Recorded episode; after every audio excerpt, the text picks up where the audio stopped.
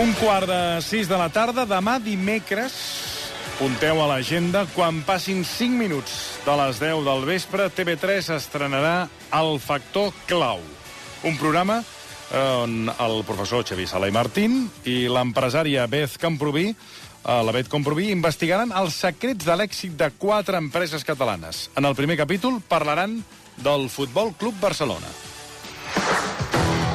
Un economista una empresària treballen plegats per investigar les fórmules de l'èxit de les grans empreses catalanes. Estan buscant el factor clau. El sentiment de pertànyer a un grup, això és fantàstic. M'agrada ser referent de nenes, però també de nens. Ens tindran defensant els interessos del Barça fins l'última gota del nostre sang. Xavier Sala i Martín, catedràtic d'Economia de la Universitat de Colúmbia, autor de la Sabana a Mart, l'economia de la intel·ligència natural, i presentador d'aquest nou programa que demà s'estrena a TV3, El Factor Clau. Molt bona tarda. Hola, molt bona tarda. Benvingut. Com anem? Moltes gràcies. Bé, abans de res, eh, com va néixer aquesta idea de programa i mm, una mica quin és el plantejament del programa? La, la indústria catalana o, o com funciona la nostra indústria o quin és l'objectiu del programa? Um, a veure, la, la idea ben bé es podria dir que és del Mariano Rajoy. Eh? Si Ah. us recordeu allò que deia que los catalanes hacen cosas? Hacen cosas, sí. Doncs la pregunta és quines coses, no? Quines coses fan els catalans? I, i en aquest sentit hi ha un gran desconeixement.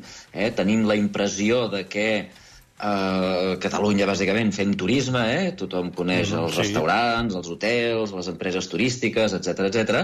però no coneixem tant eh, les, les empreses o, o la, la, la quantitat de coses meravelloses, eh, xulíssimes, que fan eh, les empreses catalanes.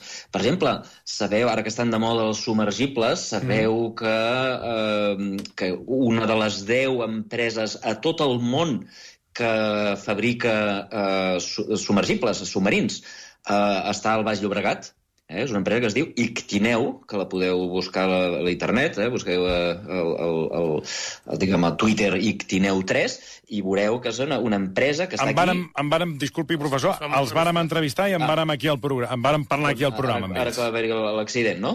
No, no, no, no, ja fa un... Quan, quan van començar, quan van començar Sí. a fer l'empresa?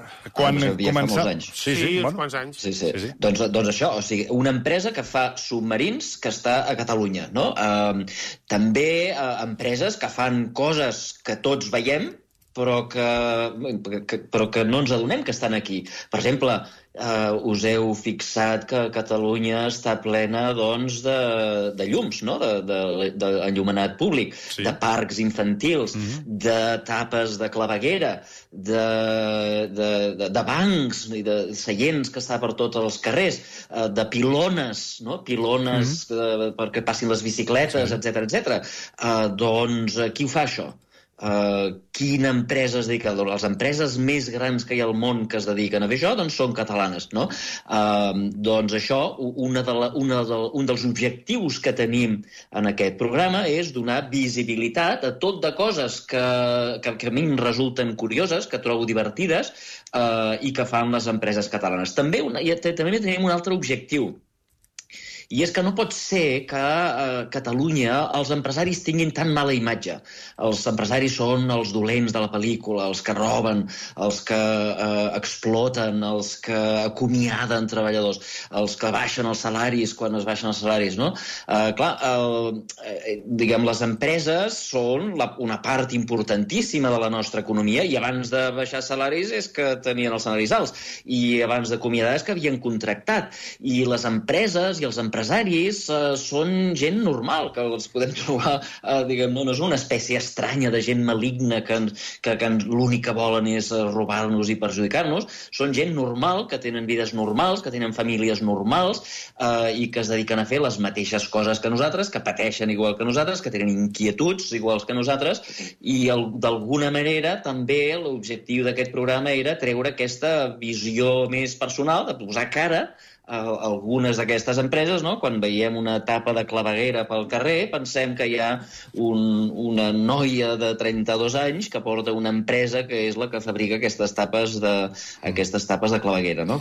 Uh, I que, aquest, aquest, amb aquest objectiu va néixer aquest programa. Amb aquests objectius va néixer aquest programa. Un programa, eh, repeteixo, que comença demà a les 10 i 5, Factor Clau. Demà s'estrena amb el Futbol Club Barcelona i després eh, en venen d'altres empreses, com eh, deia el Xavier Saler Martín, l'empresa de mobiliari urbà Benito, de Vic, l'empresa d'endolls i interruptors eh, Simón d'Olot i la de vins eh, de la família Torres, de Vilafranca del Penedès. Eh, la pregunta és, són eh, eh, les empreses, la manera de funcionar, vostè feia referència a l'empresari o les empreses catalanes, eh, hi ha un eix comú als, a la manera de funcionar de les empreses, sigui a Catalunya, sigui a Nova York, sigui a Londres, sigui a Madrid, o cadascuna té una particularitat, una particularitat diferent? A veure, una, una de les claus del factor clau és que no hi ha factor clau. És a dir, no ah. hi ha un factor clau. Eh? Uh, que perquè hi tinguis èxit doncs ha d'haver-hi uh, una, una, una constel·lació de coses que passin uh, i n'hi ha moltes, i que no només n'hi ha moltes, sinó que són canviants. Eh? El que pot funcionar durant una dècada deixa de funcionar a la dècada següent. Uh, de fet, quan un llegeix, uh, i ara perdoneu que parli una mica d'universitat, no? però quan un llegeix les investigacions que fan els grans gurus de la Universitat de Harvard, no? que, que escriuen llibres, uh, com el, un llibre molt famós que es va escriure, Build to Last, no? com, com es construeixen les grans empreses que, que, que, que duraran per sempre. No?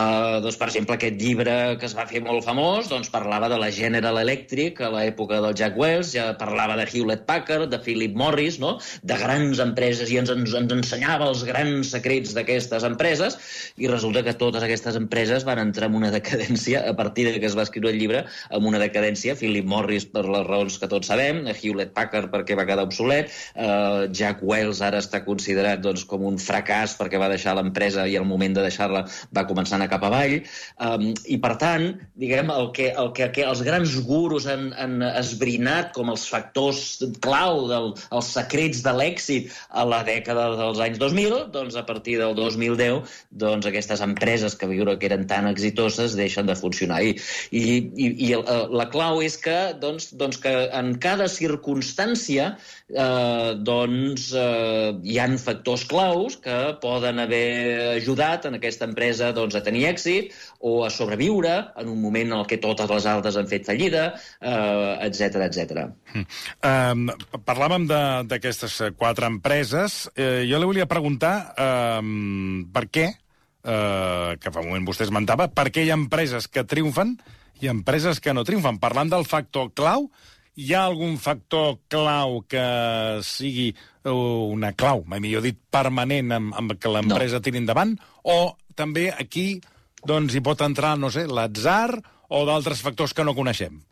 Sí, de fet, de fet l'atzar, la sort, és una, un dels factors que a mi m'agrada a cada programa eh, diguem, enfatitzo, eh? escolta'm, que aquí hi ha hagut també una mica de sort, però eh, diguem, en cada moment de la història, en cada circumstància, en aquestes quatre empreses doncs, hi ha hagut eh, circumstàncies com, per exemple, la manera com la família, eh, si és una empresa familiar, ha gestionat la propietat, si la família s'ha ficat eh, a, a gestionar l'empresa o bé ha delegat a professionals perquè la gestionin, eh, la internacionalització, la innovació...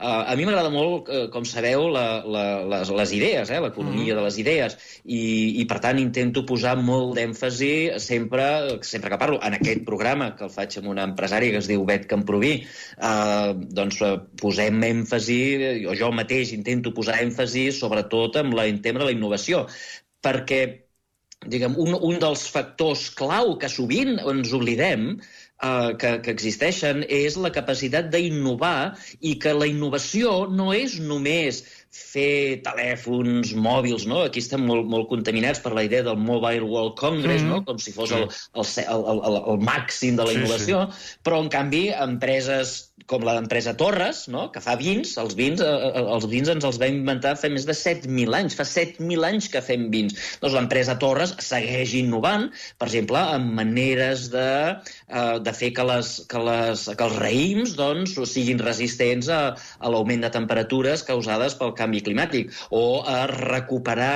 eh, espècies de raïm que es pensaven que s'havien perdut per la filoxera, però que en alguna granja d'algun lloc, amb, alguna vinya desconeguda, doncs apareix un raïm que fa 200 anys o 150 anys que ningú ha vist eh, i que resulta que com que ha sobreviscut soleta durant 150 anys, doncs ha de ser resistent a tot, no? ha de ser una, un raïm superfort. Doncs la família Torres l'agafa, els, els hi treu els virus, la, intenta veure si d'aquest vi, d'aquest raïm, pot sortir un vi bo. Això és, això és innovació en un sector antiquíssim, un sector de 7.000 eh, de 7.000 anys d'antiguitat. O, per exemple, l'empresa Benito, que mencionàveu abans, sí. de mobiliari urbà, jo em vaig quedar al·lucinat quan em, va explicar, on em van explicar, vam anar a l'empresa i ens van explicar la tecnologia que hi ha darrere d'una tapa de claveguera. Uh, I clar, quan ho penses, una tapa de claveguera no és només un tros de ferro que serveix per tapar, perquè clar, ha de resistir el pes dels automòbils que passen per sobre, ha de ser fàcil de treure, no ha de fer gens de soroll, perquè, clar, si tu recordeu, si vius a davant d'un lloc on tapa la claveguera i, i cada vegada que passa un cotxe fa clec, clec, clec, clec, clec, clec doncs els veïns s'emprenyen. Um, ha de ser, ha de tapar hermèticament, no pot ser que entri aigua, tampoc ser que surtin les olors. Um, i, I, per tant, uh, quan t'expliquen la tecnologia que hi ha darrere d'una cosa tan simple com una tapa de claveguera o les innovacions que fan aquesta mateixa empresa en, en mobiliari urbà, per exemple, fan un dels problemes que tenim en les ciutats eh, modernes és que hi ha una colla de gamberros que es dediquen a Sí, sí. pintar amb grafiti tot, no? Mm. Doncs ara fan bancs eh, d'aquests públics que, eh, que són resistents al grafiti, no?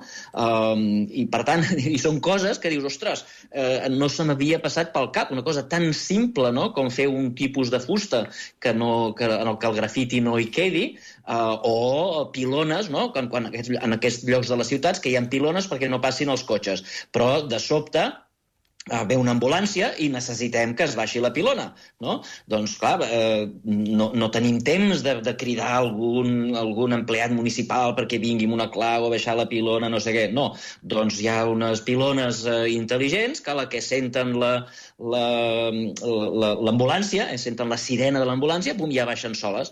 Eh? Eh, doncs això, eh, a mi aquestes coses em fascinen i crec que la- a l'audiència de TV3 li pot fascinar, igual que a mi, eh, entendre que una, un factor d'èxit de moltes empreses és fer coses noves, fer coses diferents, buscar la innovació, però no innovació d'alta tecnologia, sinó innovació en coses tan simples com és una tapa de claveguera. Clar, parlàvem de, de, de, en aquest cas d'aquestes prim- d'aquesta primera entrega de quatre empreses, però eh, demà aquest programa, el Factor Clau a TV3, debuta amb el Futbol Club Barcelona. L'hem de considerar, eh, Xavier Sala i Martín, el Barça una empresa?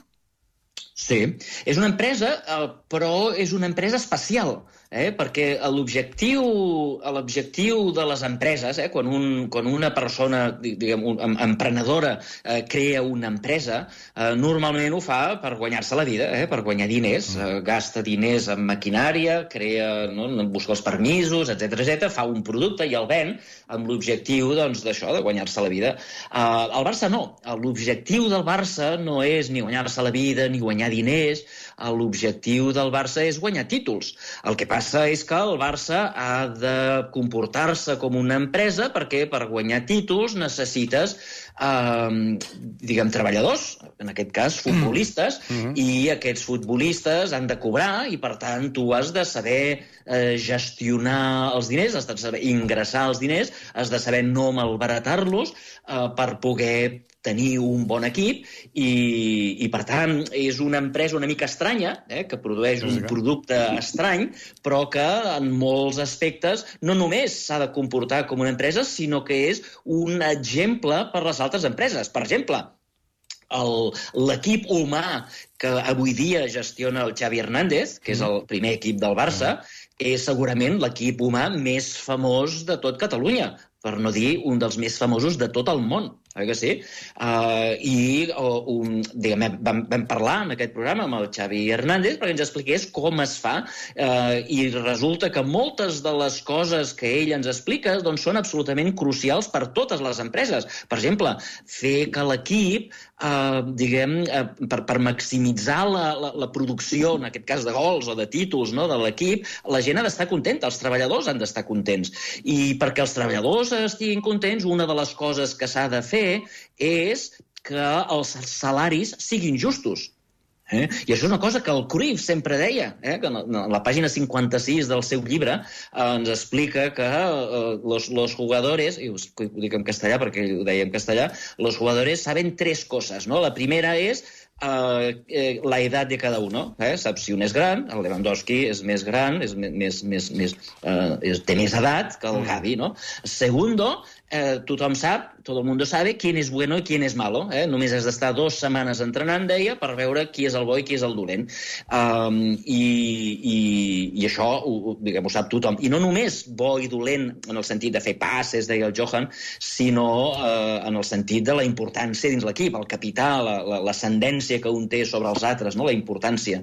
Uh, I l'última cosa que tot el mundo sabe és el salario, eh? encara que sigui confidencial, tothom parla, tothom s'ho diu, i llavors el Johan deia Y lo que no puede ser es que uno malo cobre más que uno bueno.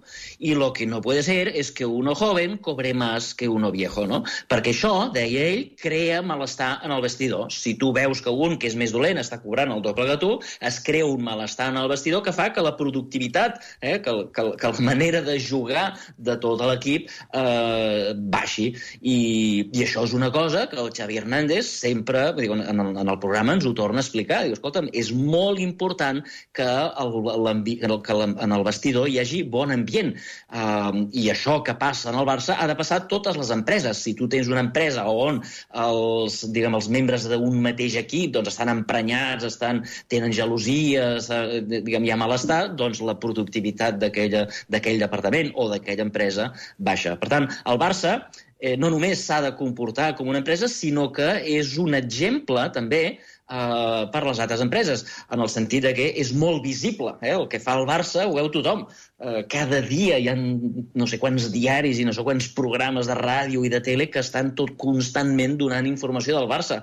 Eh, I, per tant, és una, és, és una font d'informació i és una font de lliçons que també intentem um, diguem, aprofitar en aquest programa. En aquest eh, primer capítol, com dèiem, demà, a les 10 i 5, eh, el Barça és el protagonista, eh, i apareixeran, podrem escoltar el president Joan Laporta, a Xavi Hernández, com vostè deia, a la jugadora del femení, l'Aitana Bonmatí, però també entrevisten exjugadors, treballadors, responsables del museu o fins i tot els cuiners de la Masia. Sí. Eh, què, què aportarà el cuiner de la Masia amb tot això? Que, que, per què heu anat a buscar i entrevistar el cuiner de la Masia? Mira, una, una de les lliçons que jo crec que són importants d'aprendre del tema Barça eh, no és... El Barça, el Barça es confon, eh? normalment es confon, quan es parla del Barça es parla de valors, no? mm. eh, com si el Barça fos l'única entitat o l'únic club o l'única empresa que té valors. Tothom té valors. Uh, però el Barça, jo crec que, el que la lliçó que ens dona el Barça és que quan tu segueixes els teus valors, quan tu prens decisions que estan d'acord amb els teus valors, les coses et van bé. I quan tu prens decisions que estan en contra dels teus valors, i el Barça a vegades ha pres decisions, sovint ha pres decisions en contra dels valors, les coses han anat malament. Eh? Uh, per exemple, jo crec que no hi ha ningú dubte a aquestes alçades que una de les millors decisions que va prendre el Jan Laporta en la primera, en la primera etapa va ser uh, dues grans decisions. Una va ser posar el Pep Guardiola i no el Mourinho.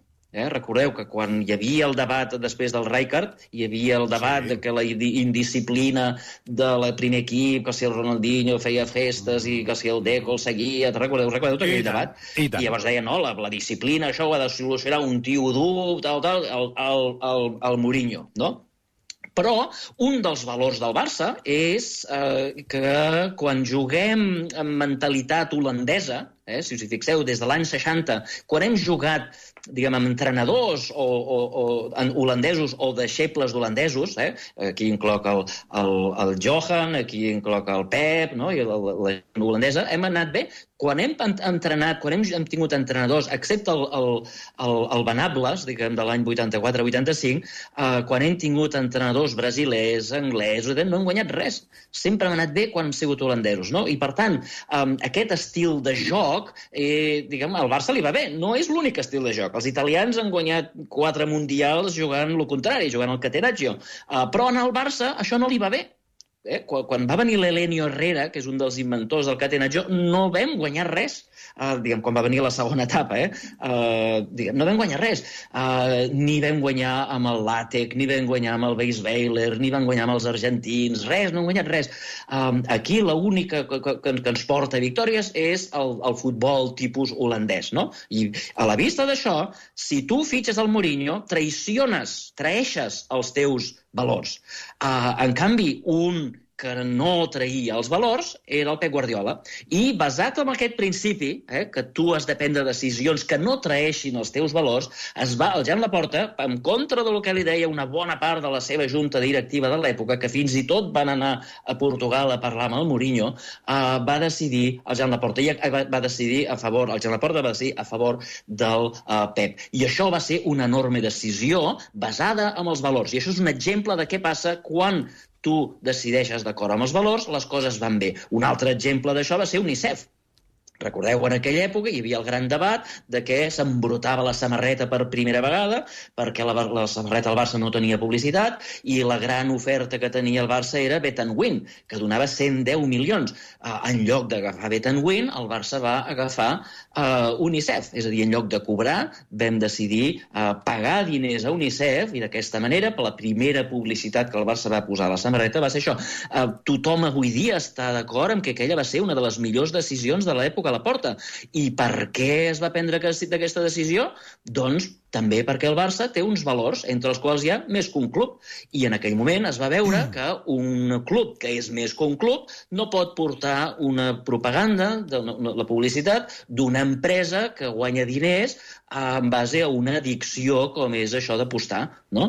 el Barça, si és més que un club, ha d'anar amb UNICEF, no ha d'anar amb Bet Win. I, per tant, fixa't com els valors et guien a l'hora de prendre decisions correctes el qual, insisteixo, no vol dir que el Barça sempre prengui decisions correctes o que el Barça tingui uns valors superiors als altres. Eh? El Barça ha pres decisions que van en contra dels valors, com, per exemple, treure UNICEF de la samarreta per posar Qatar.